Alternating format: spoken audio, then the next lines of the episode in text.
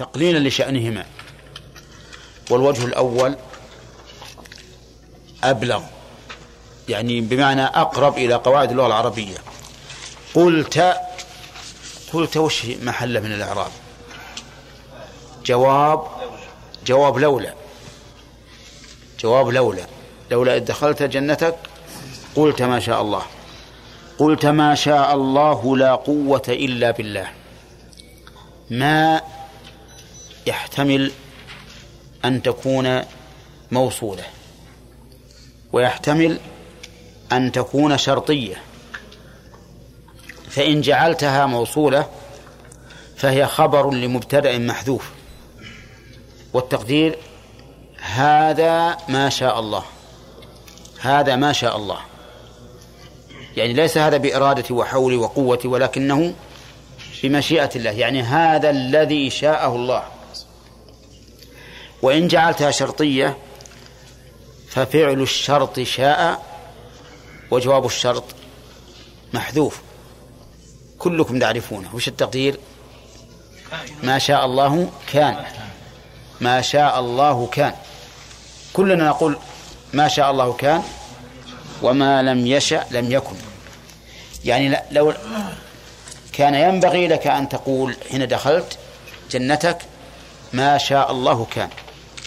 لتتبرأ من حولك وقوتك ولا تعجب بجنتك.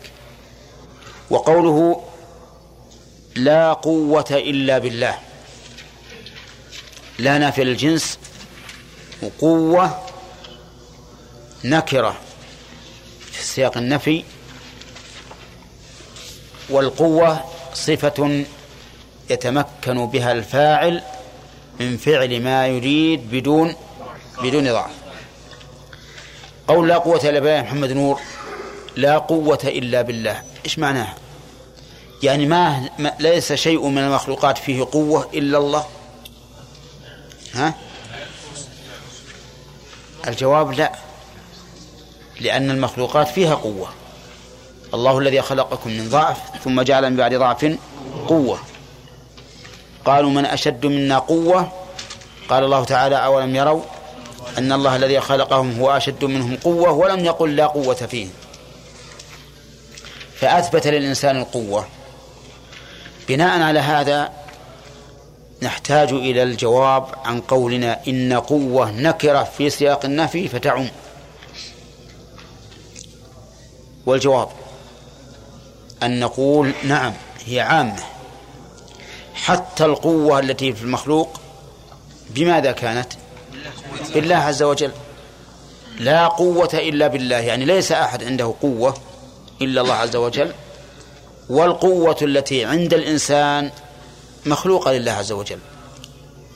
فلا قوة في الحقيقة إلا بالله. أنت لا تقوى على أن تعمل أي عمل إلا بالله عز وجل.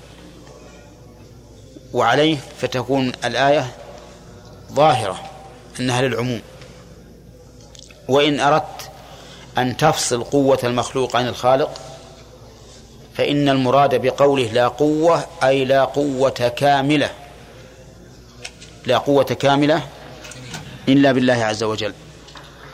وبناء على هذا إذا جعلت المراد لا قوة في إلا بالله اللي هي قوة الله هي وصفه تكون البا بمعنى في. البا بمعنى في إذا جعلنا القوة هنا قوة الله.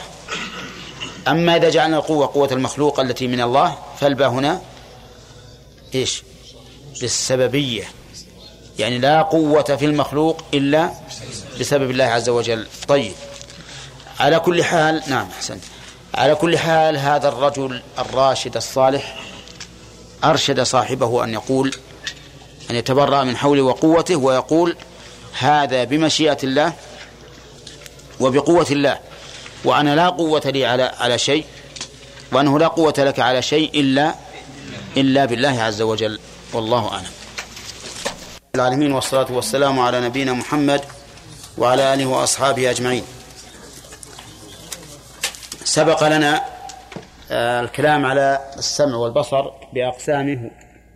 ولا حاجة لإعادة المناقشة لأنه تمت المناقشة فيه قوله لولا إذ دخلت جنتك قلت ما شاء الله لا قوة إلا بالله. قلنا إن في هذا إثبات المشيئة لله عز وجل. ومشيئة الله عز وجل هي إرادته الكونية وهي نافذة فيما يحبه وما لا يحبه ونافذة على جميع العباد بدون تفصيل. ولا بد من وجود ما ما شاءه بكل حال. فهي إذا نافذة. وش هذا الصوت؟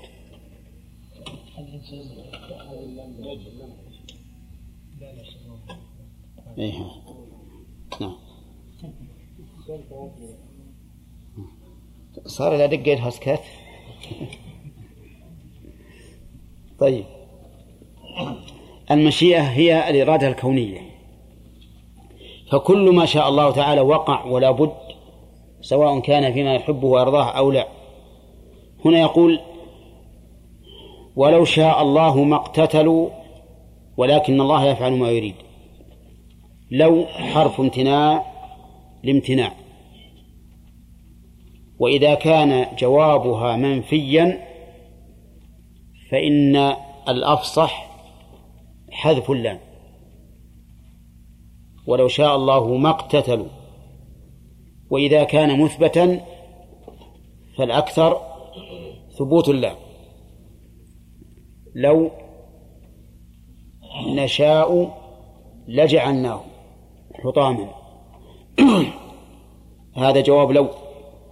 إن كان منفيا فالأفصح حذف اللام. وإن كان مثبتا فالأكثر. ما نقول في الأفصح لأنه ورد الإثبات ورد إثبات اللام وحذفها في القرآن الكريم. لو نشاء لجعلناه حطاما لو نشاء جعلناه أجاجا. فالأكثر ثبوت اللام. طيب قولنا إن الأفصح حذف اللام في المنفي. لماذا؟ لأن اللام تفيد التوكيد والنفي عدم. ينافي التوكيد. ولهذا كان قول الشاعر ولو نعطى الخيار لما افترقنا كان خلاف الأفصح. والأفصح ولو نعطى الخيار ما افترقنا ولكن لا خيار مع الليالي. نعم. طيب يقول لو شاء الله ما اقتتلوا. الضمير يعود على من؟ ها؟ على المؤمنين والكافرين. لقوله تعالى ولكن اختلفوا فمنهم من آمن ومنهم من كفر ولو شاء الله ما اقتتلوا. وفي هذا رد واضح على القدرية الذين ينكرون تعلق فعل العبد بمشيئة الله. لأن الله قال ولو شاء الله ما اقتتلوا وضدها ولكنه شاء أن يقتتلوا ها؟ فاقتتلوا. وبهذا يكون ردا صريحا على القدرية الذين أنكروا تعلق أفعال العباد بمشيئة الله عز وجل. ثم قال ولكن الله يفعل ما يريد. يفعل ما يريد يعني يفعل الذي يريده. والإرادة هنا إرادة كونية. ويفعل يعني يقدر عز وجل أن يفعل أن يفعل إذا كان بالنسبة للعباد. ويفعل إذا كان بالنسبة إليه. يعني إذا أراد شيئا فعله. وقد يقال إن الآية مطلقة. يفعل ما يريد فيكون الفعل باعتبار ما يفعله سبحانه وتعالى بنفسه فعلا مباشرا وباعتبار ما يقدره على العباد فعلا غير مباشر. وإلا فمن المعلوم أن الإنسان إذا صام وصلى وزكى وتوضأ وحج وجاهد. فالفاعل من؟ ها؟ الإنسان. الفاعل الإنسان بلا شك. ومعلوم أن فعله هذا بإرادة الله. ولا يصح أن ينسب فعل العبد إلى الله على سبيل المباشرة. لأن المباشر للفعل الإنسان. لكن يصح أن ينسب إلى الله على سبيل التقدير والخلق. على سبيل التقدير والخلق. أما ما يفعله الله بنفسه كاستوائه على عرشه وكلامه ونزوله إلى السماء الدنيا وضحكه وما أشبه ذلك فهذا ينسب إلى الله تعالى فعلا مباشرة. نعم. وما يريد أي الإرادتين؟ الكونية لا الشرعية لأن الشرعية قد يريد الله الشيء ولا يفعل ما يقدره الله. يريد الله عز وجل من كل أحد أن يؤمن به ولكن هل يؤمن كل أحد؟ لا. قال وقوله وقوله كل بالجر معطوف على ما سبق. أحلت لكم بهيمة الأنعام إلا ما يتلى عليكم. أحلت لكم المحل هو الله عز وجل. وكذلك النبي صلى الله عليه وسلم يحل ويحرم لكن بإذن من الله. قال النبي عليه الصلاة والسلام أحلت لنا ميتان ودماء. نعم. وكان عليه الصلاة والسلام يحل يقول إن, إن الله حرم عليكم كذا وكذا يخبر عن أنه حرم. وربما يحرم تحريما يضيف إلى نفسه. ولهذا قال أحلت لكم يعني أحلها الله ورسوله بهيمة الأنعام وهي الإبل والبقر والغنم. والأنعام جمع نعم كأسباب جمع سبب. والنعم هي هذه الثلاثة الإبل والبقر والغنم. وقوله بهيمة سميت بذلك لأنها إيش؟ مبهمة يعني أنها لا تتكلم عجماء إلا ما يتلى عليكم يعني إلا الذي يتلى عليكم في هذه السورة. وهي المذكورة في قوله تعالى حرمت عليكم الميتة والدم ولحم الخنزير وما أهل لغير الله به إلى آخره. فالاستثناء هنا متصل ولا منقطع؟ أحلت لكم بهيمة الأنعام إلا ما يتلى عليكم. طيب بهيمة الأنعام الميتة من بهيمة الأنعام ولا لا؟ إلا يا جماعة تموت الشاة ويموت الب... تموت البعير وتموت البقرة.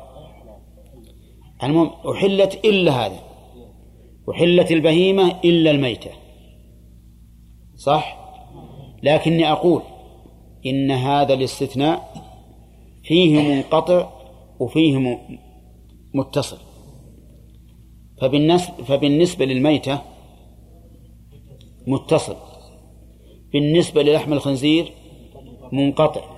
ليش؟ لأنه ليس من بهيمة الأنعام. ليس من بهيمة الأنعام. وعلى هذا فنقول بهيمة الأنعام إلا ما يتلى عليكم في هذه الصورة وهي الميتة والدم ولحم الخنزير وما أهل لغير الله به والمنخنقة والموقوذة والمتردية والنطيحة وما أكل السبع إلا ما ذكيتم وما ذبح على النصب. عشر. عشر هذه محرمة. نعم. وقوله غير محل الصيد وأنتم حرم هذه غير حال من الكاف لكم. يعني حال كونكم لا تحلون الصيد وأنتم حرم وهذا الاستثناء منقطع أيضا لأن الصيد ليس من بهيمة الأنعام. فإن بهيمة الأنعام ليست صيدا. وطيب. وقوله غير محليه. كيف محليه؟ يعني مستحليه في الإحرام. لأن الذي يفعل الشيء معناه كالمحل له. والصيد هو الحيوان البري المتوحش المأكول. هذا هو الصيد الذي حرم في الإحرام. إن الله يحكم ما يريد. قول إن الله يحكم ما يريد هذا الإرادة كونية ولا شرعية؟ وش الدليل؟ ها؟ لأن المقام مقام تشريع فهي إرادة شرعية. ويجوز أن تكون إرادة شرعية كونية ونحكم الحكم هنا نحمل الحكم على الحكم الكوني والشرعي. فما أراده كونا حكم به وما أراده شرعا حكم به وشرع وشرعه لعباده. طيب وقال عز وجل وقوله فمن يريد الله أن يهديه يشرح صدره للإسلام. من فضلك. هذه علامة. من يريد الله أن يهديه يعني هداية توفيق. رحمك الله. يشرح صدره للإسلام. فتجده منشرح الصدر في شرائع الإسلام وشعائره يفعلها بفرح وسرور وانطلاق. إذا عرفت من نفسك هذا فاعلم أن الله أراد بك خيرا. لأن الله يقول من يريد الله أن يهديه يشرح صدره للإسلام. أما من ضاق به ذرعا والعياذ بالله فإن هذا علامة على أن الله أراد به سوءا. نعم وأراد به ضرا. وإلا لانشرح صدره. ولهذا تجدون الصلاة التي هي أثقل ما يكون على المنافقين تجدونها قرة عيون المخلصين. قال النبي عليه الصلاة والسلام حبب إلي من دنياكم النساء والطيب وجعلت قرة عيني في الصلاة.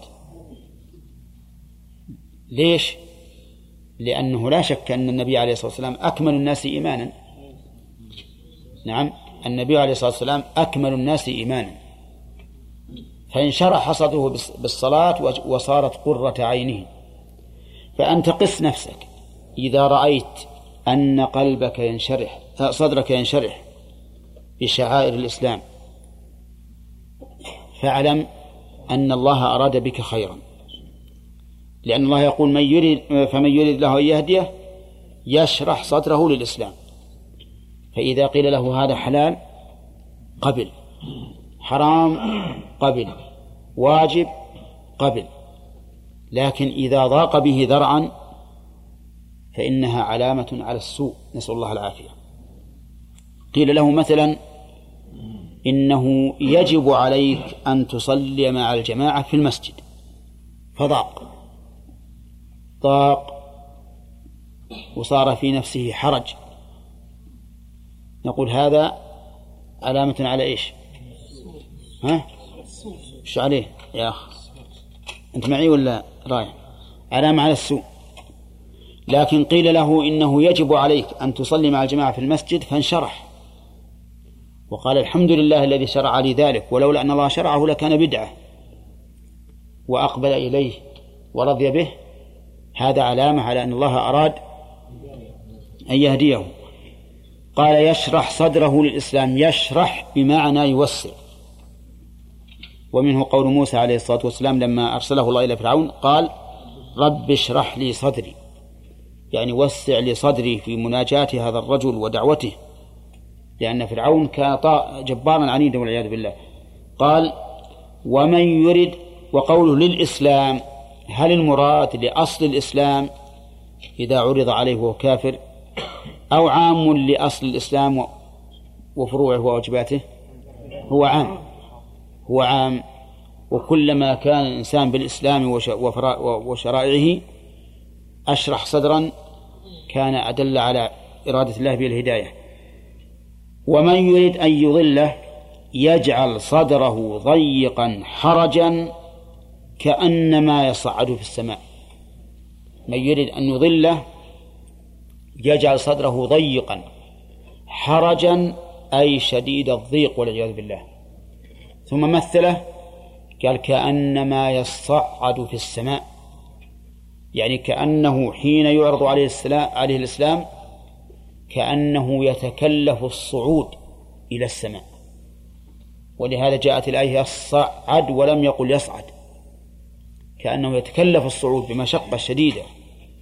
نعم. وهذا الذي يتكلف الصعود لا شك أنه يتعب ويسأم ويمل.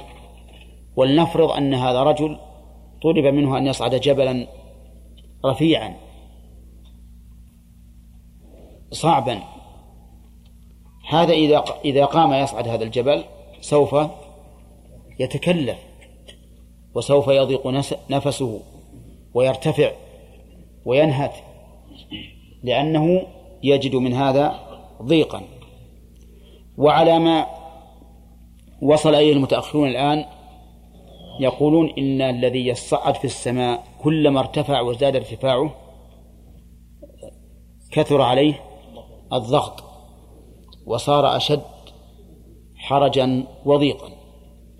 وسواء كان المعنى الأول أو المعنى الثاني فإن هذا الرجل الذي يعرض عليه الإسلام والعياذ بالله يجد الحرج والضيق كأنما يصعد في السماء. نأخذ من هذه الآية الكريمة إثبات إرادة الله عز وجل. والإرادة المذكورة هنا إرادة كونية. كونية لا غير. لأن قال فمن يريد أن يهديه ومن يريد أن يضله. وهذا التقسيم لا يكون إلا في الأمور الكونيات. أما الشرع فالله تعالى يريد من كل أحد أن يستسلم شرع الله فالإرادة هنا كونية. وفيها من السلوك والعبادة دليل على أنه يجب على الإنسان أن يتقبل الإسلام كله. أصله وفرعه وما يتعلق بحق الله وما يتعلق بحق العباد وأنه يجب عليه أن ينشرح صدره لذلك. فإن لم يكن كذلك فإنه من القسم الثاني الذين أراد الله إغلالهم قال النبي عليه الصلاة والسلام من يرد الله به خيرا يفقهه في الدين. من يرد الله به خيرا يفقهه في الدين. والفقه في الدين يقتضي قبول الدين. لأن كل من فقه في دين الله وعرفه قبله وأحبه. وقال الله تعالى فلا وربك لا يؤمنون حتى يحكموك فيما شجر بينهم ثم لا يجدوا في أنفسهم حرجا مما قضيت ويسلموا تسليما. شوف كيف الآن. إقسام مؤكد بلا فلا وربك. إقسام بأخص ربوبية من الله عز وجل لعباده. ما هي؟ ربوبية الله للرسول عليه الصلاة والسلام. إقسام بربوبية الله بربوبية الله الخاصة لرسوله على قبول ما جاء به هذا الرسول. رابعا هنا قال حتى يحكموك أنت خاصة. فيما شجر بينهم. فمن طلب التحاكم إلى غير الله إلى غير الرسول عليه الصلاة والسلام بل إلى غير الله ورسوله فإنه ليس بمؤمن. فإما كافر كفرا مخرجا عن الملة وإما كافر كفرا دون ذلك. نعم. الثاني إذا حكموا لا يجدوا في أنفسهم حرجا مما قضى بل يجدوا القبول والانشراح لما قضاه النبي عليه الصلاة والسلام. الثالث يسلم تسليما وأكد التسليم بالمصدر يعني تسليما كاملا. فاحذر أيها المسلم أن ينتفي عنك الإيمان. ولنضرب لهذا مثلا. تجادل رجلان في حكم مسألة شرعية. فاستدل أحدهما بالسنة. فوجد الثاني في ذلك حرجا حرجا وضيقا. كيف يبي يخرج عن متبوعه إلى اتباع هذا هذه السنة؟ ما تقولون في إيمان هذا الرجل؟ ناقص ولا لا؟ ناقص بلا شك. لأن المؤمن حقا هو الذي إذا ظفر بالنص من كتاب الله وسنة رسوله عليه الصلاة والسلام فكأنما ظفر بأكبر غنيمة يفرح بها ويقال ويقول الحمد لله الذي هداني لهذا. أسأل الله أن يجعلني وإياكم منه. خلاف والعياذ بالله اللي يتعصب لرأيه ويحاول أن يلوي أعناق النصوص حتى تتجه إلى ما يريد هو لا ما يريده الله لا ما يريده الله ورسوله. فإن هذا على خطر عظيم. وبعد أن تكلمنا على آيات الإرادة فيما شاء الله نقول إن الإرادة تنقسم إلى قسمين. قسم إرادة كونية وهذه الإرادة الكونية مرادفة تماما للمشيئة فأراد فيها بمعنى شاء لا غير. هذه الإرادة تتعلق فيما يحبه الله وما لا يحبه. وعلى هذا فإذا قال لك قائل هل أراد الله الكفر؟ فقل بالإرادة الكونية نعم أراده. ولو لم يرده الله عز وجل ما صار. طيب ثانيا هذه الإرادة يلزم فيها وقوع المراد. يعني أن ما أراده الله فلا بد أن يقع. ولا يمكن يتخلف. انتبه.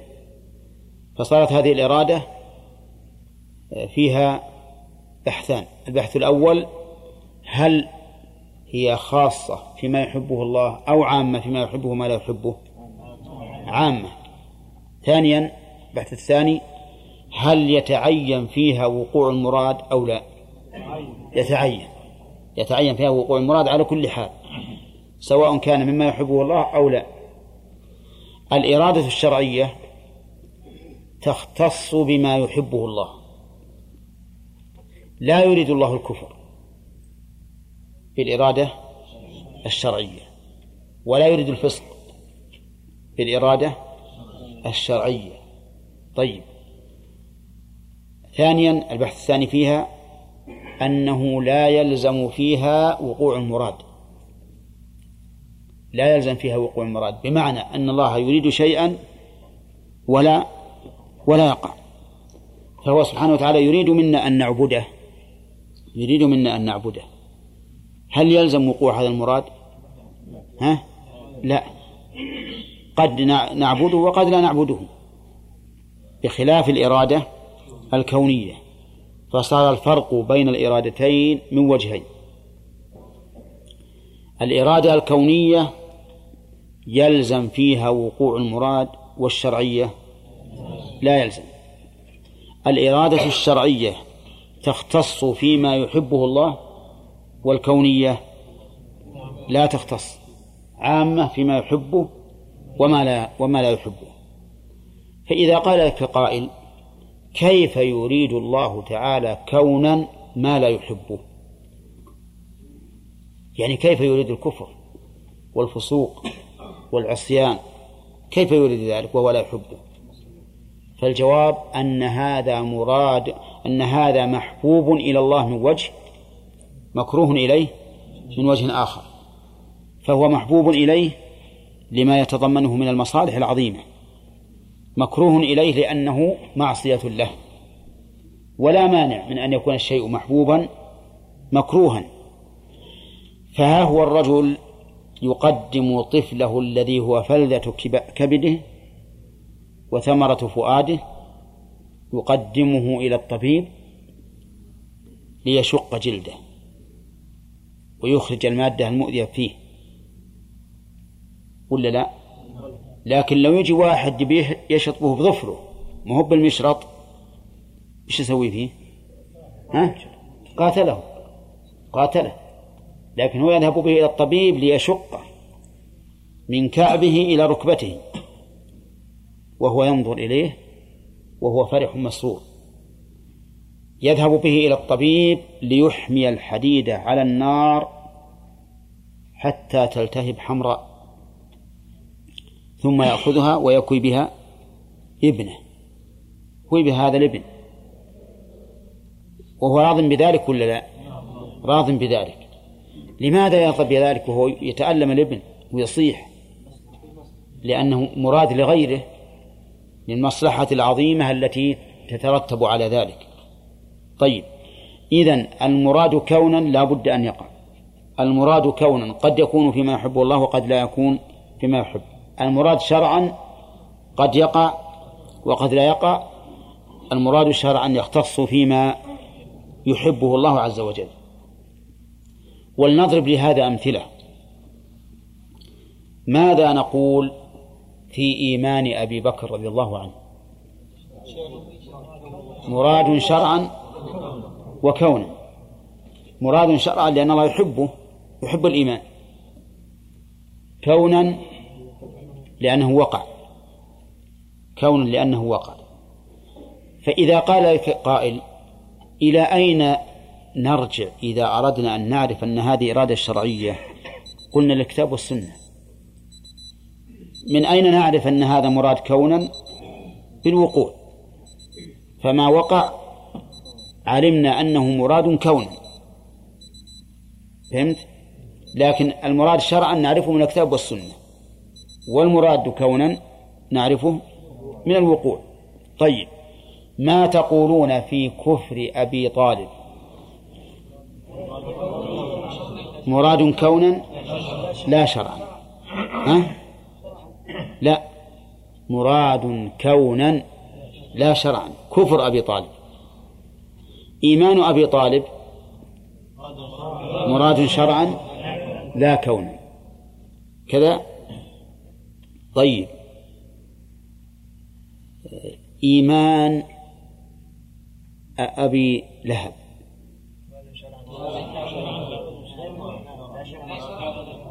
إيمان أبي لهب.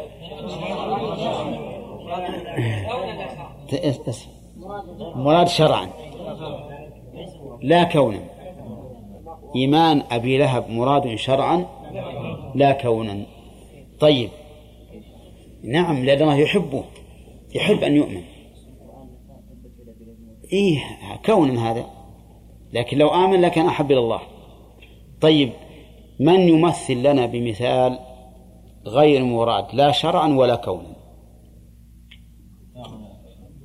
ها؟ غير مراد لا كونا ولا شرعا. كفر أبي بكر. نعم. صح؟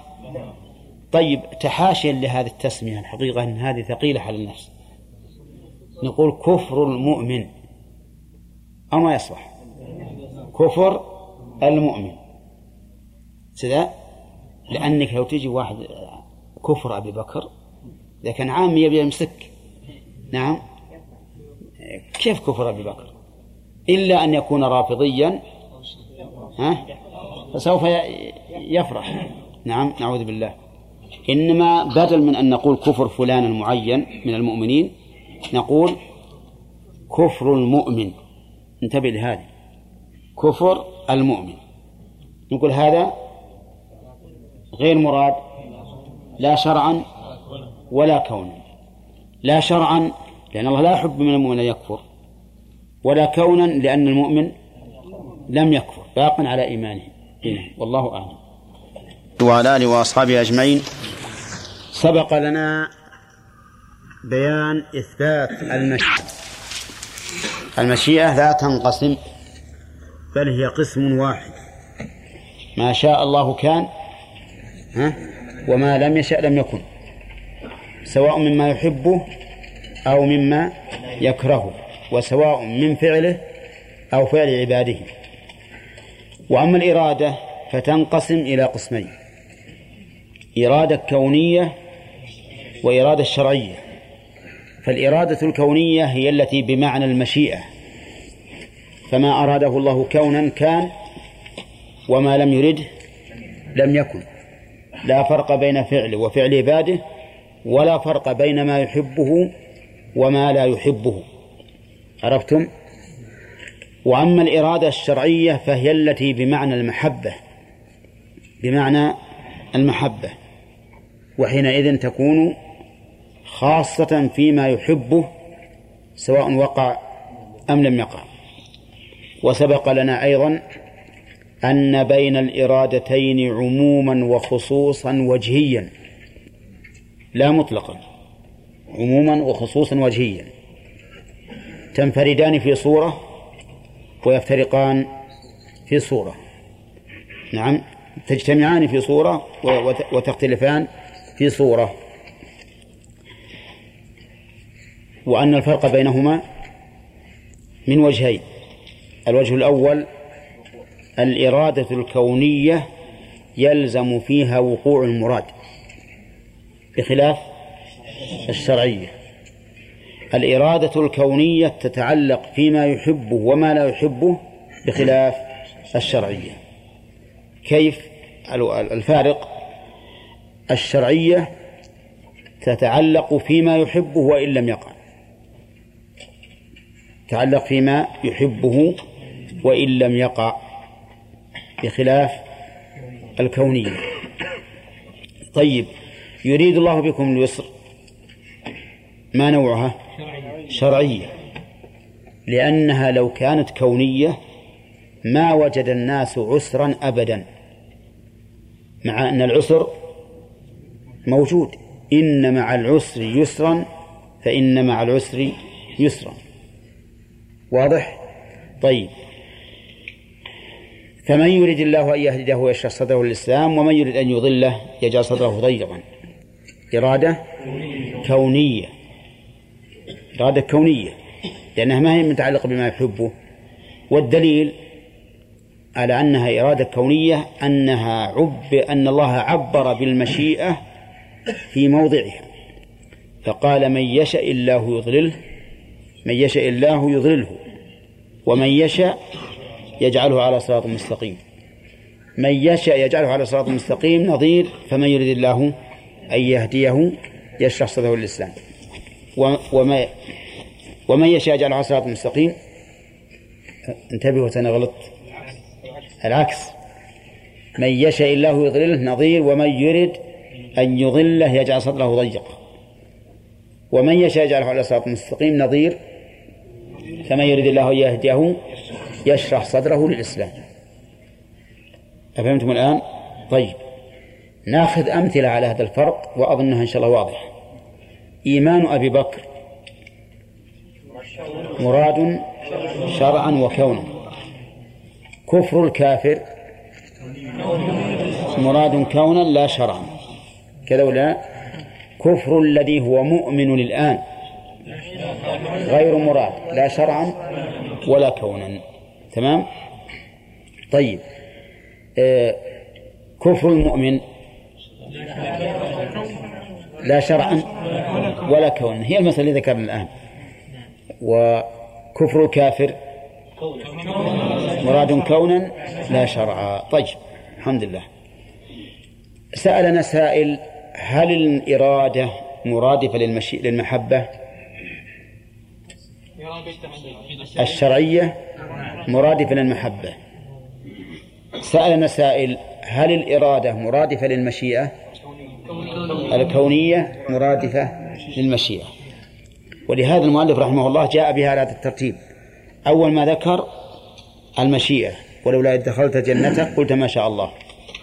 ثم ذكر الإرادة اللي يكون بعضها في المشيئة وبعضها في المحبة. ثم ذكر آيات المحبة.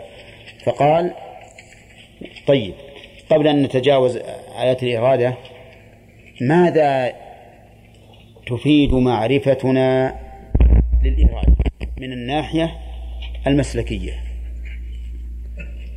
تفيد أمرين. الأمر الأول أن نعلق رجاءنا وخوفنا وجميع أحوالنا وأعمالنا بمن؟ بالله لأن كل شيء في إرادته. وهذا يحقق لنا التوكل. ثانيا أن نفعل ما يريده الله شرعا. إذا علمنا أنه مراد لله شرعا ومحبوب إليه فإن ذلك يقوي عزمنا على إيش؟ على فعله. هذا من فوائد معرفتنا بالإرادة من الناحية إيش؟ المسلكية. أن نفوض الأمر إلى الله وأن نعلق أمرنا به وهذا باعتبار جانب الإرادة إيش؟ الكونية. وأن نحرص غاية الحرص على ما يريده تعالى من الطاعات وهذا باعتبار الإرادة الشرعية. طيب. نعم. إيش؟ ما هو؟ الإرادة الشرعية تؤخذ من الكتاب والسنة والإرادة الكونية تؤخذ اي يعني؟ طريق معرفتها نعم. في الإمام ليش إن خربنا القاعدة؟ هذا ما دام تعلقنا بالله هذا من تحقيق الإيمان بالقدر. طيب يقول الآن بدأ المؤلف بآيات المحبة. فقال وقوله وأحسنوا إن الله يحب المحسنين. أحسنوا. فعل أمر. والإحسان قد يكون واجبا وقد يكون مستحبا مندوبا إليه. فما كان يتوقف عليه أداء الواجب فهو واجب. وما كان زائدا على ذلك فهو مستحب. وبناء على ذلك فإننا نقول أحسنوا فعل أمر مستعمل في الواجب والمستحب. الإحسان في عبادة الله لا نجد تفسيرا أحسن من تفسير النبي صلى الله عليه وسلم له. حين سأله جبريل قال ما الإحسان؟ قال أن تعبد الله كأنك تراه. وهذا أكمل من الذي بعده لأن الذي يعبد الله كأنه يراه يعبده عبادة طلب ورغبة. فإن لم تكن تراه فإنه يراك. يعني فإن لم فإن لم تصل إلى هذه الحال فاعلم أنه يراك. والذي يعبد الله على هذه المرتبة يعبده عبادة خوف وهرب. نعم لأنه يخاف ممن يراه. وهناك فرق بين هذا وهذا. فالأول أكمل من الثاني. من الأول؟ الذي يعبد الله كأنه يرى الله. فهو يعبده عبادة رغبة وطلب. وأما الثاني الذي لا يصل يقينه إلى هذه هذه المرتبة إن لم تكن تراه فإنه يراك. يعني فإن فإن لم تعبده على المرتبة الأولى فاعبده على المرتبة الثانية أنه يراك. وهذا ومرتبة الخوف ها والهرب من معصيته. طيب هذا بالنسبة لمعاملة الخالق عز وجل. الإحسان بالنسبة لمعاملة الخلق. ما هو؟ ما هو؟ يقولون في تفسيره بذل الندى وكف الأذى وطلاقة الوجه. كيف؟ ها؟ ثلاث أمور. بذل الندى وكف الأذى وطلاقة الوجه. بذل الندى يعني المعروف. سواء كان ماليا أم بدنيا أم جاهيا. ولا لا؟ كف الأذى أن لا تؤذي الناس لا بقولك ولا بفعلك. طلاقة الوجه ألا تكون عبوسا عند الناس. لكن أحيانا الإنسان يغضب. أحيانا يغضب ويعبس. طبعا الغضبان مفروض يضحك للواحد ها؟ نقول هذا هذا لسبب وقد يكون من الإحسان ولهذا الزاني إذا رجمناه أو أو جلدناه إذا كان لم يصل إلى إلى درجة الرجم إحسان ولا لا؟ إحسان فالإحسان قد يكون في غير هذا الشيء لكن هذا المعنى العام للإحسان هو هذا بذل الندى وكف الأذى وطلاقة الوجه هذا بالنسبة لمعاملة من؟ لمعاملة الناس طيب هل يدخل في ذلك إحسان المعاملة في البيع والشراء والإجارة والنكاح وغير ذلك؟ نعم, نعم معلوم. لأنك إذا عاملتهم بالطيب في هذه الأمور صبرت على المعسر نعم وأوفيت الحق بسرعة هذا هذا يعتبر بذل ندى فإن اعتديت بالغش والكذب والتزوير فأنت لم تكف الأذى لأن هذا أذية ولا لا؟ أذية. طيب. أحسنوا في عبادة الله وإلى عباد الله. عرفتم؟ طيب. إن الله يحب المحسنين. هذا تعليل للأمر. ترى بيك يا عبد الوهاب بعد العشاء. إن الله يحب المحسنين. هذا تعليل الأمر. هذا ثواب المحسن. أن الله تعالى يحبه. والله إن محبة الله لتشترى بالدنيا كلها. يعني من الذي ينال محبة الله؟ مرتبة عالية عظيمة أن الله سبحانه وتعالى يحبك. وهي أعلى من أن تحب الله. كون الله يحبك أعلى من أن تحبه أنت. ولهذا قال الله تعالى قل إن كنتم تحبون الله فاتبعوني يحببكم الله ولم يقل فاتبعوني تصدقوا في محبتكم الله. مع أن الحال تقتضي هكذا. هم يقول نحن نحب الله. قال إن كنتم صادقين. نعم. فاتبعوني. تحبون الله. أو قال يحببكم الله. قال يحببكم الله. ولهذا قال بعض العلماء الشأن كل الشأن. في أن الله يحبك. لا أنك تحب الله. كل يدعي محبة الله. لكن الشأن الذي في السماء عز وجل هل يحبك أم لا؟ إذا أحبك الله عز وجل أحبك أحبتك الملائكة في السماء. ثم يوضع لك القبول في الأرض. فيحبك أهل الأرض ويقبلونك. يقبلون ما جاء بك ما جاء منك. وهذه من عاجل بشرى المؤمن. طيب. إذن الإحسان أمر ينبغي للإنسان أن يفعله لينال محبة الله. لينال محبة الله. إن الله يحب المحسنين في عباداتهم ومعاملاتهم الخلق قال وأحسنوا وأقسطوا إن الله يحب المقسطين. كل عام. أقسطوا. السؤال ترى ممنوع. أقسطوا. أقسطوا فعل أمر. والإقساط ليس هو القسط القسط. لأنه أعني الإقساط من فعل الرباعي. فالهمزة فيه همزة السلب يعني النفي. يعني هذه الهمزة همزة السلب إذا دخلت على الفعل نفت معناه. فإذا كان قسط يقسط أو يقسط بمعنى جار أدخل عليه الهمزة أقسط بمعنى عدل بمعنى عدل. فيسمون مثل هذه التسمية هذه الهمزة همزة السلب. مثل خطئ وأخطأ. خطئ بمعنى ارتكب الخطأ عن عمد أخطأ ارتكبه عن عن غير عمد. فالهمزة هنا للسلب. سلبت المعنى. أقسطوا أي اعدلوا. وهذا واجب ولا مستحب؟ واجب. العدل واجب في كل ما يجب فيه التسوية. كل ما يجب فيه التسوية من العدل أن تتبع هذا الحق. يدخل في ذلك العدل في معاملات الخلق. أن تعامل الناس بما تحب أن يعاملوك به.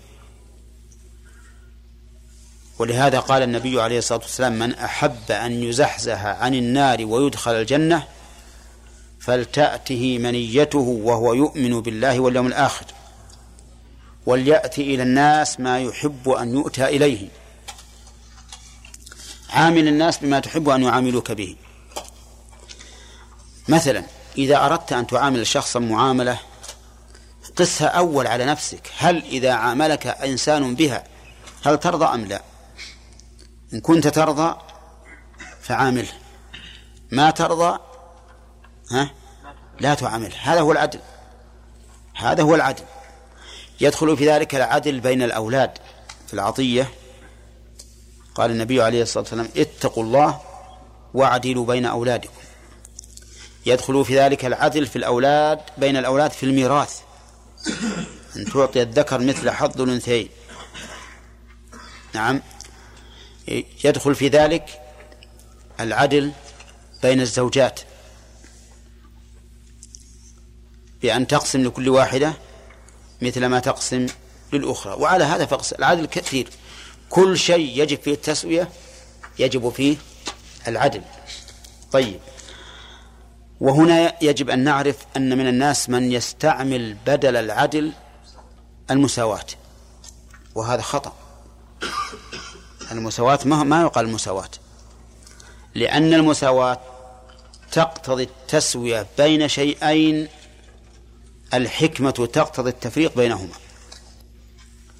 ومن أجل هذه الدعوة الجائرة إلى التسوية صاروا يقولون أي فرق بين الذكر والأنثى؟ سووا بين الذكور والإناث. نعم. حتى إن الشيوعية قالت أي فرق بين الحاكم والمحكوم؟ لا يمكن أن يكون لأحد سلطة على شيء على أحد. أي فرق؟ تسوية سوي بين الوالد والولد. ليس للوالد سلطة على الولد. وهلم جرا لكن إذا قلنا بالعدل وهو إعطاء كل أحد ما يستحقه. نعم. زال هذا المحذور. ولم وصارت العبارة السليمة. ولهذا لم يأتي في القرآن أبدا إن الله يأمر بالتسوية. لكن جاء إن الله يأمر بالعدل. وإذا حكمتم بين الناس أن تحكموا بالعدل. وكذب على الإسلام من قال إن دين الإسلام دين المساواة. بل دين الإسلام دين العدل وهو الجمع بين المتساويين والتفريق بين المفترقين. هذا دين الإسلام. أما أنه دين مساواة فهذه لا يقولها أحد. لا يقولها من يعرف دين الإسلام. بل الغريب الذي يدلك على بطلان هذه القاعدة أكثر ما جاء في القرآن نفي المساواة. أكثر ما جاء في القرآن نفي المساواة. قل هل يستوي الذين يعلمون والذين لا يعلمون. قل هل يستوي الأعمى البصير أم هل تستوي الظلمات والنور؟ نعم.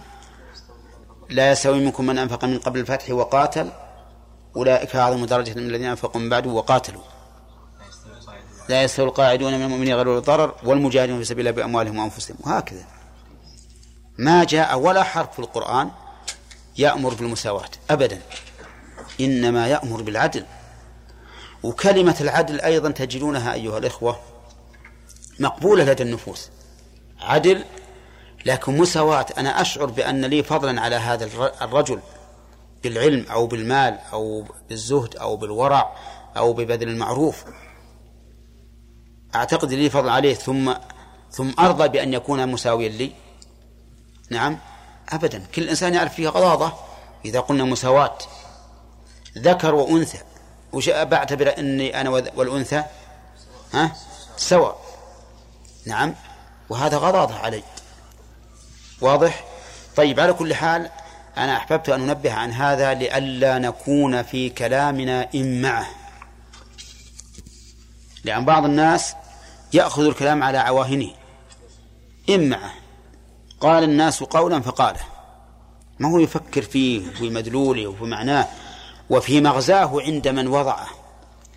لأن الذين وضعوه عفاريت لهم مغزى بعيد.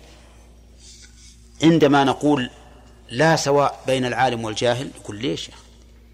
الإسلام دين المساواة. نعم. حتى النبي عليه الصلاة والسلام قال خياركم في الإسلام خياركم في الجاهلية إذا فقهوا. فجعل هناك مفاضلة. والعرب أشرف الناس نسبا. لا يوجد في بني آدم أحد أشرف من العرب نسبا. ويدلك لهذا قوله تعالى الله أعلم حيث يجعل رسالته. ومن الذي جعل فيهم الرسالة التي إلى الخلق عامة؟ العرب. إذن فهم أشرف الناس نسبا.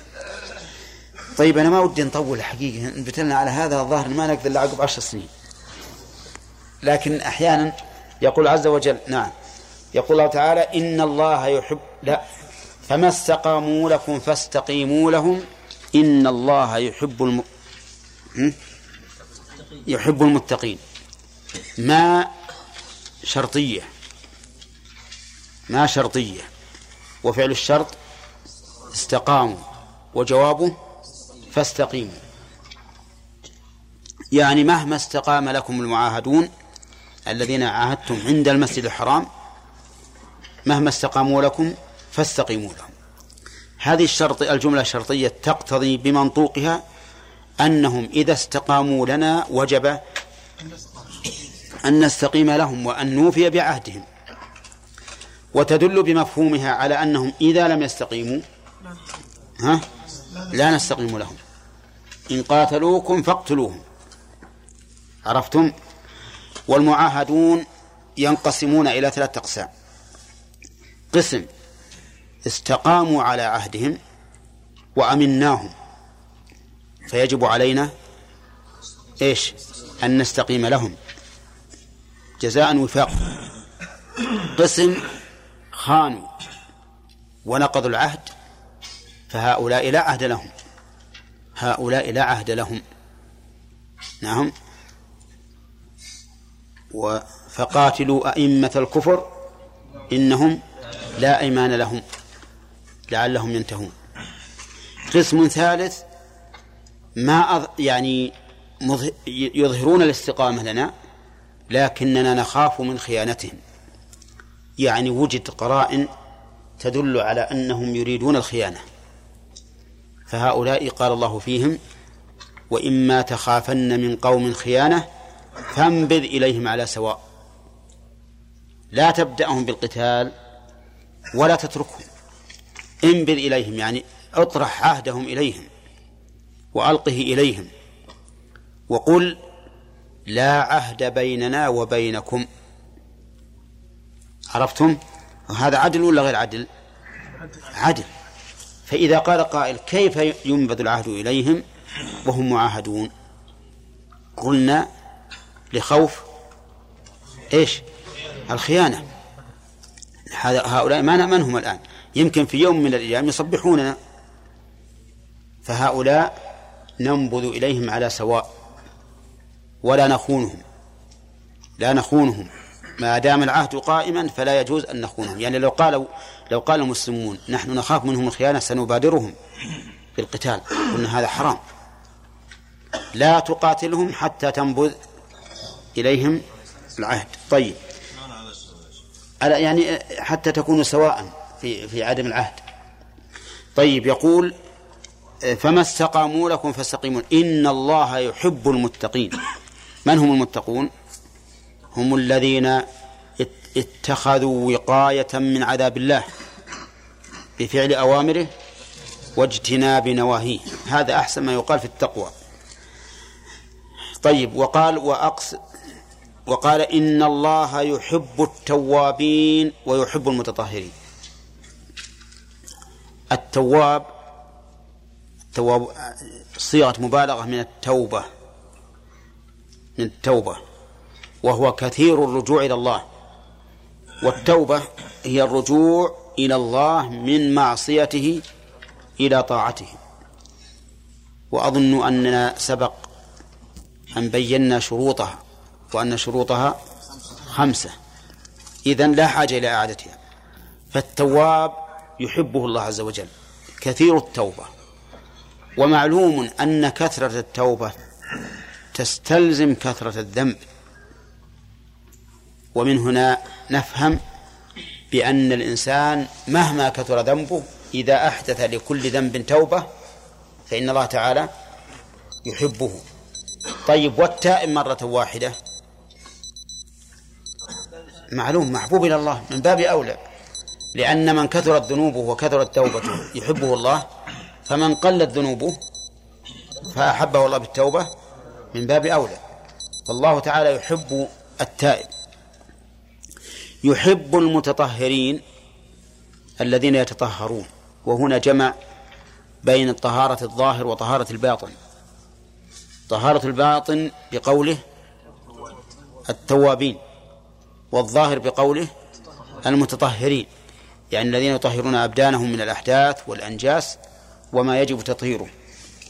وقال عز وجل قل إن كنتم تحبون الله فاتبعوني يحببكم الله. يسمي علماء السلف هذه الآية آية المحنة يعني الامتحان. لأن قوما ادعوا أنهم يحبون الله. فأمر الله نبيه أن يقول لهم إن كنتم تحبون الله فاتبعوني. وهذا تحدي لكل من ادعى محبة الله أن نقول إذا كنت صادقا فاتبع الرسول. فمن أحدث في دين رسول الله صلى الله عليه وسلم ما ليس منه وقال إنني أحب الله ورسوله بما أحدثت قلنا له كذبت. لو كانت محبتك صادقة لاتبعت الرسول عليه الصلاة والسلام ولم تتقدم بين يديه بإدخال شيء من الدين ليس من دينه. نعم. فكل من كان أتبع لله لرسول الله صلى الله عليه وسلم كان لله أحب. وإذا أحب الله وقام بعبادته فإن الله تعالى يحبه. بل إن الله عز وجل يعطيه أكثر مما عمل. يقول الله عز وجل في الحديث القدسي من ذكرني في نفسه ذكرته في نفسي. ونفس الله والله أعظم من نفوسنا. ومن ذكرني في ملأ ذكرته في ملأ خير منهم ومن ذكرني في ملأ ذكرته في ملأ خير منهم وفي حديث وفي الحديث أيضا أن من تقرب إليه شبرا تقرب الله إليه ذراعا. ومن تقرب إلى الله ذراعا تقرب الله إليه باعا. ومن أتى إلى الله يمشي أتاه الله هرولة. إذن فعطاء الله أكثر من عملك. طيب. يقول وقوله فسوف يأتي الله بقوم يحبهم ويحبونه. نكمل البحث يا فسوف يأتي الله بقوم يحبهم ويحبونه. الفاء هنا وش موقعها من الإعراب.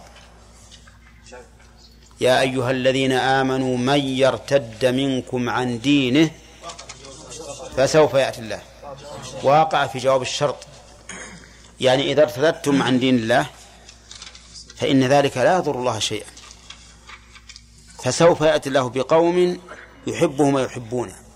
وهذا كقوله وإن تتولوا يستبدل قوما غيركم ثم لا يكونوا أمثالكم.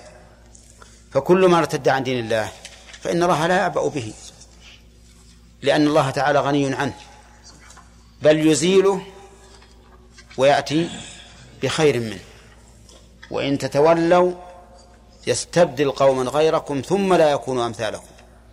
أمثالكم بل يكون خيرا منكم. من يرتد منكم عن دينه فسوف يأتي الله بقوم بدلا منهم. يحبهم ويحبونه. وإذا كانوا يحبون الله ويحبهم الله فسوف يقومون بطاعته. أذلة على المؤمنين أعزة على الكافرين. أمام المؤمنين أذلة يخفضون أجنحتهم للمؤمنين ويلينون لهم ويتطامنون لهم. ومع الكفار أعزة أقوياء. لا يظهرون الذل أمام الكافر أبدا. وقد علمنا الرسول عليه الصلاة والسلام كيف نعامل الكافر بالعزة. فقال لا تبدأوا اليهود والنصارى بالسلام وإذا لقيتموهم في طريق فاضطروهم إلى أخي... إلى إلى أضيقه. إذا لاقاك اليهود والنصارى لو كانوا ألفا وأنت وأنتم عشرة. تقول الله وخروا عن الجمع يا جماعة وخروا. وخروا عن الجمع وسعوا لهم. كذا نقول لا نشق هذا الجمع حتى نضطرهم إلى إلى أضيق إلى أضيق الطريق. نريهم العز. لا بأنفسنا لأن نحن بشر وهم بشر. لكن بديننا.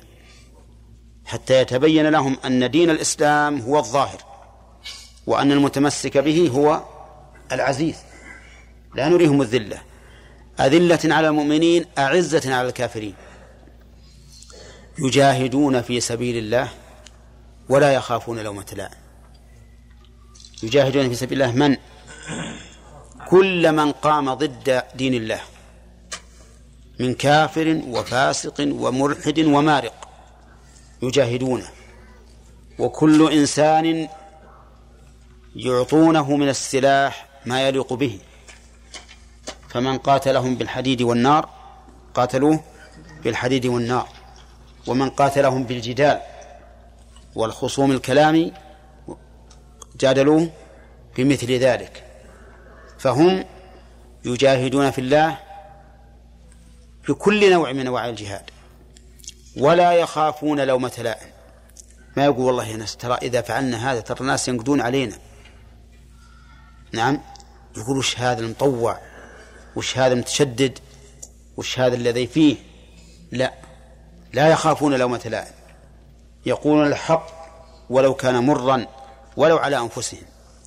لكنهم يستعملون الحكمة في هذا الجهاد ويرومون الوصول إلى الغاية ويجعلون السبب في المرتبة الثانية. يجعلون السبب في المرتبة الثانية. فإذا رأوا أن الدعوة تستوجب التأخر في بعض الأمور تأخروا إذا رأوا أن الدعوة تقتضي اللين في بعض الأحوال استعملوا اللين. لأنهم يريدون إيش؟ يريدون الوصول إلى غاية معينة والوسيلة حسب ما تقتضيه الحال. عرفتم؟ ثم قال الله تعالى ذلك فضل الله يؤتيه من يشاء والله واسع عليم. طيب ثم قال المؤلف رحمه الله وقوله إن الله يحب الذين يقاتلون في سبيله صفا كأنهم بنيان مرصوص. هذه في سورة الصف. سورة الصف في الحقيقة هي سورة الجهاد لأن الله تعالى بدأها بالثناء على المقاتلين في سبيله ثم دعا إلى الجهاد في, في آخرها ثم ذكر بين ذلك أن الله سيظهر دينه. على كل الأديان ولو كره المشركون. نعم فهي حقيقة سورة الجهاد. يحب الذين يقاتلون في سبيله صفا. صف. لا يتقدم أحد ولا يتأخر حتى في الجهاد. وفي شوف الصلاة ترى جهاد مصغر. نعم فيها قائد. قائد يجب اتباعه فإن لم تتبعه بطل جهادك. ها؟ الإمام. هذا قائد يجب اتباعه إن لم تتبع بطلت صلاتك. أما يخشى الذي يرفع رأسه قبل الإمام أن يحول الله صورة رأسه رأس حمار أو أو يجعل صورته صورة حمار. نعم. الصف في في الصلاة ها نظير الصف في الجهاد. كان الرسول عليه الصلاة والسلام يصفهم الجهاد كما يصفهم في الصلاة. نعم يقاتلون في سبيله صفا. بعدين كأنهم بنيان كأنهم بنيان. والبنيان كما قال الرسول عليه الصلاة والسلام يشد بعضه بعضا يتماسك بعضه ببعض. ضع لبنة هنا ولبنة هنا ولبنة هنا ولبنة هنا. تبني شيئا؟ ضع بعضها إلى بعض؟ تبني. يشد بعضه بعضا. ولهذا إذا سقط الجدار سقط السقف وإن كان غير لاصق بالجدار. لأن البناء يشد بعضه بعضا. ولهذا قال كأنهم بنيان مرصوص. البنيان المرصوص مو مثل البنيان يعني المفرق. أيهما أشد تماسك؟ المرصوص. طبعا. كم صفة لهؤلاء الذين علق الله المحبة بأعمالهم أولا يقاتلون. يقاتلون. ما هم ناس يركنون إلى الخلود والكسل والجمود؟ والله يا أخي اجلس هنا. كنب مكيف برادة ثلاجة فريزر كدلك نعم وما أشبه ذلك. يقاتلون ثانيا في سبيله الإخلاص في سبيله. ثالثا صف يشد بعضهم بعضا ورابعا بنيان وخامسا مرصوص. خمس صفات. علق الله بها المحبة. نعم. إن الله يحب الذين يقاتلون في سبيل صفا كأنهم بنيان مرصوص. وقوله وهو الغفور الودود. الغفور تقدم معناها كثيرا وهو الساتر لذنوب عباده المتجاوز عنها. الودود مأخوذ من الود والود خالص المحبة. خالص المحبة. طيب وهي فعول بمعنى فاعل أو بمعنى مفعول؟ ها؟ كلاهما. إذن ودود بمعنى واد وبمعنى موجود لأنه عز وجل محب ومحبوب. فسوف يأتي له بقوم يحبهم. كيف نقدر ودود على يحبهم؟ على واد ولا موجود واد. ويحبونه موجود إذن فالله عز وجل واد وموجود سبحانه وتعالى. واد لأوليائه وأولياؤه يودونه. يحبونه. يحبون الوصول إليه. يحبون الوصول إلى جنته وإلى رضوانه. فهو عز وجل واد وموجود نعم. وأتمنى لو أن المؤلف أضاف آية ثالثة في المحبة وهي الخلة. لقوله تعالى واتخذ الله إبراهيم خليلا. والخليل هو من كان في أعلى المحبة. أعلى أنواع المحبة الخلة لأن الخليل هو الذي وصل قلبه حبه إلى سويداء القلب. وتخلل مجاري عروقه. نعم هذا الخليل. ما ما فوقه شيء. ما فوق الخلة شيء من أنواع المحبة أبدا. أعرفتم؟ يقول الشاعر لمعشوقته قد تخللت مسلك الروح مني وبذا سمي الخليل خليلا. نعم عرفتم؟ النبي عليه الصلاة والسلام يحب أصحابه. يحب أصحابه؟ كلهم. كلهم. لكن ما اتخذ واحدا منهم خليلا. أبدا. ما اتخذ واحدا خليلا. نعم. قال النبي عليه الصلاة والسلام وهو يخطب الناس لو كنت متخذا من أمتي خليلا لاتخذت أبا بكر. الله أكبر. إذن أبو بكر هو أحب الناس إليه لكن لم يصل إلى درجة الخلة لأن الرسول عليه الصلاة والسلام لم يتخذ أحدا خليلا لكن أخوة الإسلام ومودته وأما الخلة فهي بينه وبين ربه. قال النبي عليه الصلاة والسلام إن الله اتخذني خليلا كما اتخذ إبراهيم خليلا. عرفتم؟ أقول ليت المؤلف أتى بهذا. الخلة لا نعلم أنها ثبتت لأحد من البشر إلا لاثنين فقط. من هما؟ إبراهيم ومحمد. إبراهيم ومحمد. وهذه الخلة صفة من صفات الله عز وجل لأنها أعلى أنواع المحبة وهي توقيفية. لا يجوز أن نثبت لأحد من البشر أنه خليل الله إلا بدليل لا موسى ولا عيسى ولا نوح ولا إسماعيل ولا إسحاق ولا غيرهم. ما نقول لهم أخلاء لله. نعم. ولكن نقول هذان الرسولان الكريمان إبراهيم إبراهيم ومحمد عليهما الصلاة والسلام وعلى إخوانهما إخوانهما من المرسلين والنبيين. هذان خليلان لله عز وجل. ومن سواهما لا نعلم. هذه آيات المحبة. إذن نضيفها علما لا كتابة لا تكتبوها. واتخذ الله إبراهيم خليلا. وهذه الآية هي التي استشهد بها من قتل الجهم الجعد بن درهم. الجعد بن درهم رأس المعطلة الجهمية. أول ما أنكر قال إن الله لم يتخذ إبراهيم خليلا. ولم يكلم موسى تكليما.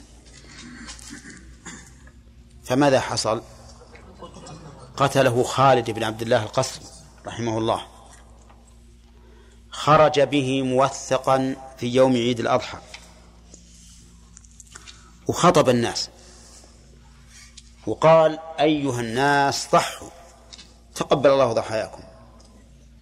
فإني مضح بالجعد بن درهم. لأنه زعم أن الله لم يتخذ إبراهيم خليلا ولم يكلم موسى تكليما. ثم نزل فذبحه نعم. فيقول ابن القيم في ذلك ولأجل ذا ضحى بجعد خالد القسري يوم ذبائح القربان إذ قال إبراهيم ليس خليله كلا ولا موسى الكليم الداني. شكر الضحية. كل صاحب سنة لله درك من أخي قربان صحيح والله. والله هذا هذه الضحية اللي نرجو الله له المثوبة عليها. نعم. على كل حال الآن نقول إن لدينا محبة ود مش بعد؟ وخلة. المحبة والود مطلقة. والخل والخلة خاصة بإبراهيم ومحمد عليهم الصلاة والسلام. ويأتي إن شاء الله البحث فيها من حيث كونها صفة الله ومن حيث الأمور المسلكية والمنهجية. نعم. الحمد لله رب العالمين والصلاة والسلام على نبينا محمد وعلى آله وأصحابه أجمعين. من عقيدة أهل السنة والجماعة إثبات المحبة بين الله وبين العبد. أي أن الله يحب ويحب. فما هو الدليل على ذلك؟ نعم. صح. فسوف الله بقوم يحبهم ويحبونه. إذن فالمحبة ثابتة بين الإنسان وبين ربه من الجانبين. الله يحب ويحب. طيب هل يثبت الود بين الله وبين الخلق؟ عبد الرحمن؟ ها. قوله تعالى وهو الغفور الودود. ما وجه إثبات الود بين الله وبين الخلق من هذه الآية؟ الودود لأن الله سبحانه وتعالى يود المؤمنين والمؤمنين أيضا يحبون يودون الله. يودون بناء على أن كلمة الودود بمعنى؟ الودود بمعنى فعيل بمعنى فاعل وفعيل ما هي فعيل هي؟ قصدي ودود هذا فعول من صيغة بمعنى فاعل ومفعول. ومفعول. كذا؟ مبالغة. طيب. ما معنى الود؟ الود هي زيادة على المحبة على شدة المحبة. لا. وليد آه، بدر. خالص المحبة هكذا قالوا. طيب هل هناك وصف ثالث في المحبة؟ خلة الخلة. نعم. دليلها؟ قال تعالى اتخذ الله خليلا. وهل ثبتت الخلة لغير إبراهيم؟ لم تثبت إلا لإبراهيم ومحمد صلى الله عليه وسلم. إذا ثبتت لمحمد. نعم. الدليل؟ قال الرسول صلى الله عليه وسلم إن الله إن الله اتخذ. اتخذني خليلا؟ كما اتخذ إبراهيم. كما اتخذ إبراهيم خليلا. طيب. الخلة أعلى أنواع المحبة. فإذا قال قائل عرفنا الأدلة السمعية على ثبوت المحبة فما هي الأدلة العقلية. ونحن كما قلنا من قبل يجب أن يكون اعتمادنا في الأمور الغيبية على أي شيء؟ على الأدلة السمعية. لكن لا مانع أن نستدل بأدلة عقلية لإلزام من أنكر أن تكون المحبة ثابتة بالأدلة العقلية. مثل من؟ الأشاعر والمعتزلة. يقول ما يمكن تثبت المحبة بين الله وبين العبد أبدا. العقل لا يدل عليها وكل ما لا يدل عليه العقل فإنه يجب أن ننزه الله عنه. نعم نسأل الله العافية. طيب نحن نقول لا مانع من أن نثبت المحبة بالأدلة العقلية لا تقريرا لها وتثبيتا لأن هذا ثابت عندنا بالأدلة السمعية. لكن احتجاجا على من أنكر ثبوتها بالعقل. فنقول إثابة الطائعين إثابة الطائعين بالجنات والنصر والتأييد وغير ذلك هل يدل على المحبة أو على الكراهة أو على السلب. لا محبة ولا كراهة؟ على المحبة بلا شك. ونحن نشاهد بأعيننا ونسمع بآذاننا عمن سبق وعمن لحق أن الله سبحانه وتعالى أيد من أيد من عباده المؤمنين ونصرهم وأثابهم. وهل هذا إلا دليل على المحبة؟ الجواب؟ بلى. هو دليل على المحبة. هو دليل على المحبة. طيب. بحث ثالث في الموضوع الأدلة السمعية والأدلة العقلية. بحث ثالث. كيف ينال الإنسان محبة الله؟ وهذه هي التي كل إنسان يطلبها. كيف أنال محبة الله؟ وشون أحب الله؟ المحبة عبارة عن أمر فطري يكون في الإنسان ما يملكه. ولهذا قال الرسول عليه الصلاة والسلام في العدل بين الزوجات هذا قسمي فيما أملك فلا تلم فلا تلمني فيما لا أملك. أنت ما تستطيع أن تحب إنسان وأن تكرهه. ولا لا؟ فكيف يجلب الإنسان المحبة لله عز وجل؟ الجواب لها أسباب كثيرة. منها أن ينظر الإنسان من الذي خلقه ومن الذي أمده بالنعم منذ دخلت فيه الروح بل من قبل. إلى ساعته هذه. من هو؟ الله. من الذي أجرى إليك الدم في عروقك قبل أن تنزل الأرض إلا الله عز وجل؟ من الذي دفع عنك النقم التي انعقدت أسبابها وكثيرا ما تشاهدها بعينك؟ آفات ونقم تهلكك فيرفع الله عنك إلا الله عز وجل. إذن هذا لا شك أنه يجب المحبة. ولهذا ورد في الأثر أحب الله لما يغذوكم به من النعم. أحب الله لما يغذوكم به من النعم. أعتقد لو أن أحدا أهدى إليك هدية قلم رصاص قيمته نصف ريال. نصف ريال. تحبه ولا لا؟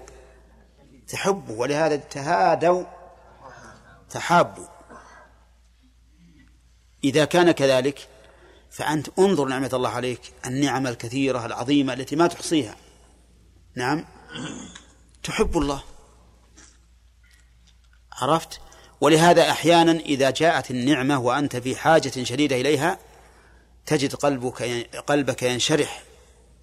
وتحب الذي أستاه إليك. بخلاف النعم الدائمة فإن الإنسان يعني يقسو قلبه لكن المتجددة يجد لها لذة يحب الله من أجلها. فأنت تذكر هذه النعم التي أعطاك الله وتذكر أيضا أن الله فضلك على كثير من عباده المؤمنين. إن كان الله من عليك بالعلم فقد فضلك بالعلم أو بالمال فقد فضلك بالمال أو بالأهل فقد فضلك بالأهل أو بالقوت فقد فضلك بالقوت. وما من نعمة إلا وتحتها ما هو دون دونها. فأنت إذا رأيت هذه النعمة العظيمة شكرت الله وأحببته. هذه واحد. ثانيا محبة ما يحبه الله ومن يحبه الله. محبة ما يحبه الله ومن يحبه الله. محبة ما يحبه الله من الأعمال القولية والفعلية والقلبية. تحب الذي يحبه الله. هذا يجعلك تحب الله. لأن الله يجازيك على هذا أن يضع محبته في قلبك. قل إن كنتم تحبون الله فاتبعوني. وش الجواب؟ يحببكم الله. فتحب الله أنت. إذا قمت بما يحب. كذلك تحب من يحب. والفرق بينهما ظاهر. الأخيرة منين؟ تحب من يحب من الأشخاص. الأول من الأعمال لأن أتينا بماء التي لغير العاقل. من الأعمال والأماكن والأزمان. هذه من؟ ها؟ العاقل. من الأشخاص. تحب النبي عليه الصلاة والسلام. تحب إبراهيم الخليل. تحب موسى عيسى وغيرهم من الأنبياء. تحب الصديقين كأبي بكر نعم والشهداء وغير ذلك ممن يحبهم الله هذا يجلب لك محبة الله وهو أيضا من آثار محبة الله. شوف كيف هذا. هذا صار سببا وأثرا. محبة من يحبه الله سبب وأثر. سبب أنك تحب الله لأنك تحب أحبابه. وهو أيضا أثر من آثار محبة الله لأنك ما أحببت هؤلاء إلا في الله إلا بحبك لله. فهذا أيضا من أسباب محبة الله عز وجل. ثالثا من أسباب محبة الله كثرة ذكره. كثرة ذكره. إنك دائما يكون على بالك الله عز وجل. حتى تكون كلما شاهدت شيئا استدللت به عليه عز وجل. حتى يكون قلبك دائما مشغولا بالله معرضا عما سواه. هذا يجلب لك المحبة محبة الله سبحانه وتعالى.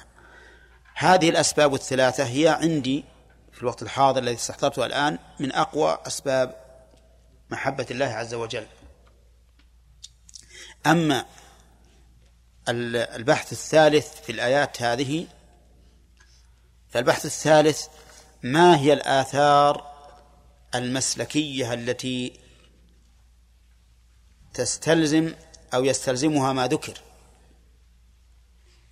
نقول لنستمع.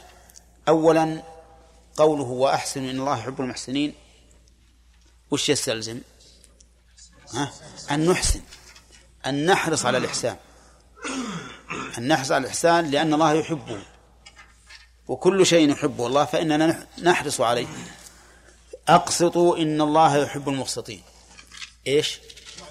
الإقساط يعني العدل. شوف كيف الآن تعدل سلوكنا هذه الآيتين. تعدل سلوكنا إلى العدل والإحسان. ضد ذلك الجور والإساءة. إذا علمنا أن العدل والإحسان من أسباب محبة الله فإن الجور والأسباب والإساءة من أسباب ها بغض الله وكراهته. نبتعد عنها. كذلك أيضا إن الله يحب التوابين و... نعم إن الله يحب المتقين. أيضا يوجب لنا ذلك أن نتقي الله عز وجل. لا نتقي المخلوقين بحيث إذا كان عندنا من نستحي منهم من الناس. تركنا المعاصي. وإذا لم يكن عندنا أحد فعلنا المعاصي. هذا ما تقوى. التقوى أن تتقي الله عز وجل. ولا يهمك الناس. أصلح ما بينك وبين الله يصلح الله ما بينك وبين الناس. انظر الإنسان يا أخي انظر إلى الشيء اللي بينك وبين ربك. ولا يهمك. إن الله يدافع عن الذين آمنوا. افعل ما يقتضيه الشرع وستكون لك العاقبة. طيب أيضا يقول إن الله يحب التوابين ويحب المتطهرين. الله أكبر.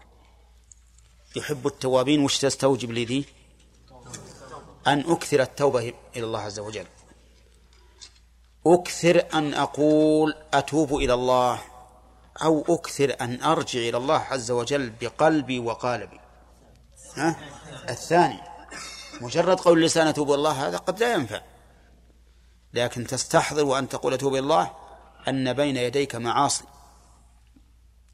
ترجع إلى الله منها وتتوب حتى تنال بذلك محبة الله.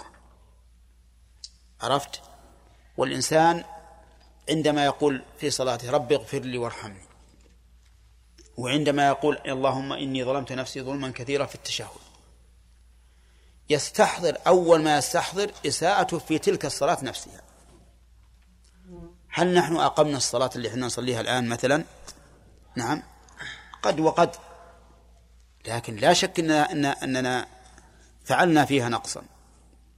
نعم. فأنت تستحضر أنك في نفس العمل اللي الآن أنت تستغفر الله وأنت متلبس به قد أسأت فيه. وحينئذ تنتفع من الاستغفار ومن التوبة. المتطهرين. الله أكبر. إذا غسلت ثوبك من النجاسة تحس بأن الله يحبك. ولا لا؟ لأن الله يحب المتطهرين. هذه إذا أحسست بأن الله يحبك ستحب الله عز وجل. إذا توضأت تحس بأن الله أحبك لأنك تطهرت. إذا اغتسلت تحس أن الله أحبك لأن الله يحب المتطهرين. وين حنا من هذه المعاني والله إنها غافلين عنها.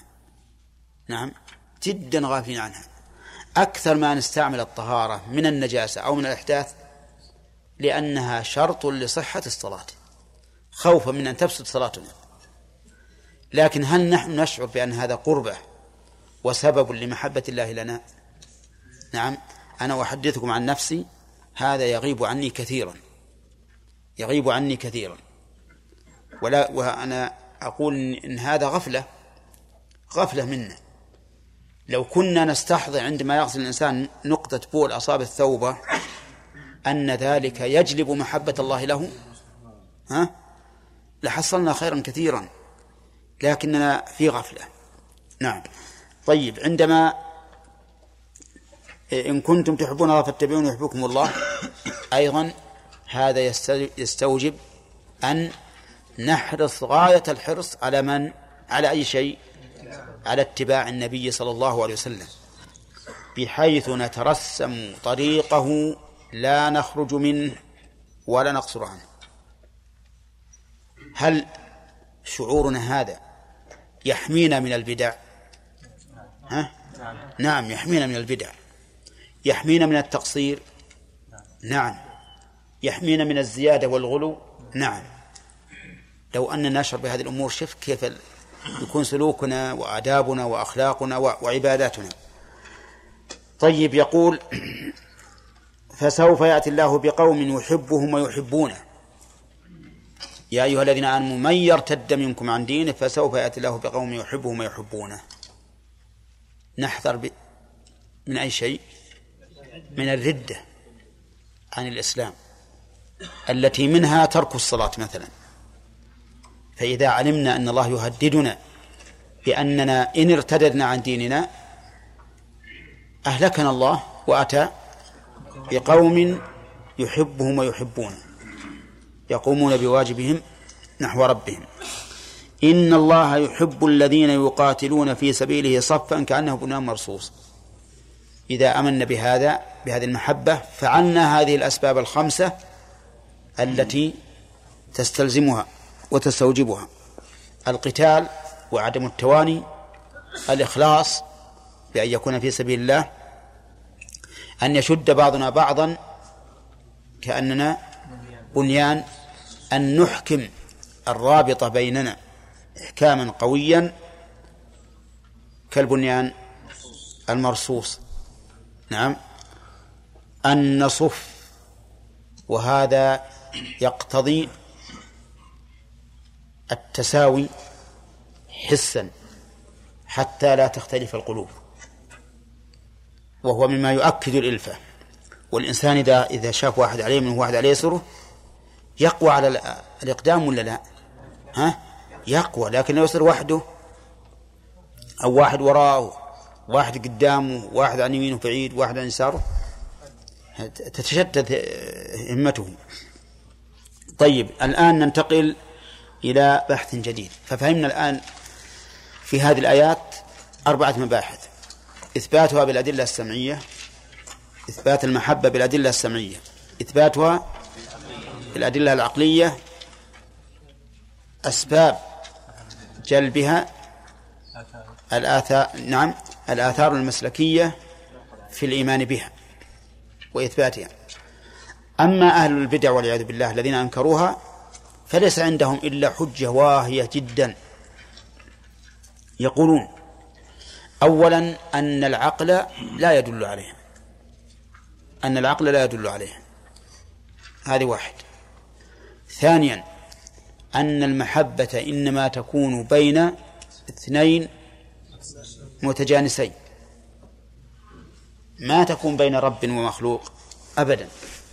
تكون بين اثنين متجانسين. مخلوقات لا بأس. ونحن نرد عليهم فنقول نجيبكم عن عن الأول أن العقل لم يدل عليها بجوابين. أحدهما بالتسليم والثاني بالمنع. تسليم يعني نقول السلام عليكم. ها؟ نسلم لهم إيش؟ نقول العقل ما دل عليه نقول سلمنا أن العقل ما دل عليه أي المحبة. فالسمع دل عليها. والسمع دليل. قائم بنفسه. الله عز وجل يقول في القرآن ونزلنا عليك الكتاب تبيانا لكل شيء. تصدقون بهذا ولا لا؟ يصدقون. إذن إذا كان تبيانا فهو دليل قائم برأسه أصل برأسه. فقد دل عليه السمع. وانتفاء الدليل المعين لا يلزم منه انتفاء المدلول المعين لأن المدلول قد يكون له أدلة متعددة سواء الحسيات أو المعنويات. ولا لا؟ الحسيات ضربنا مثلا فيما سبق.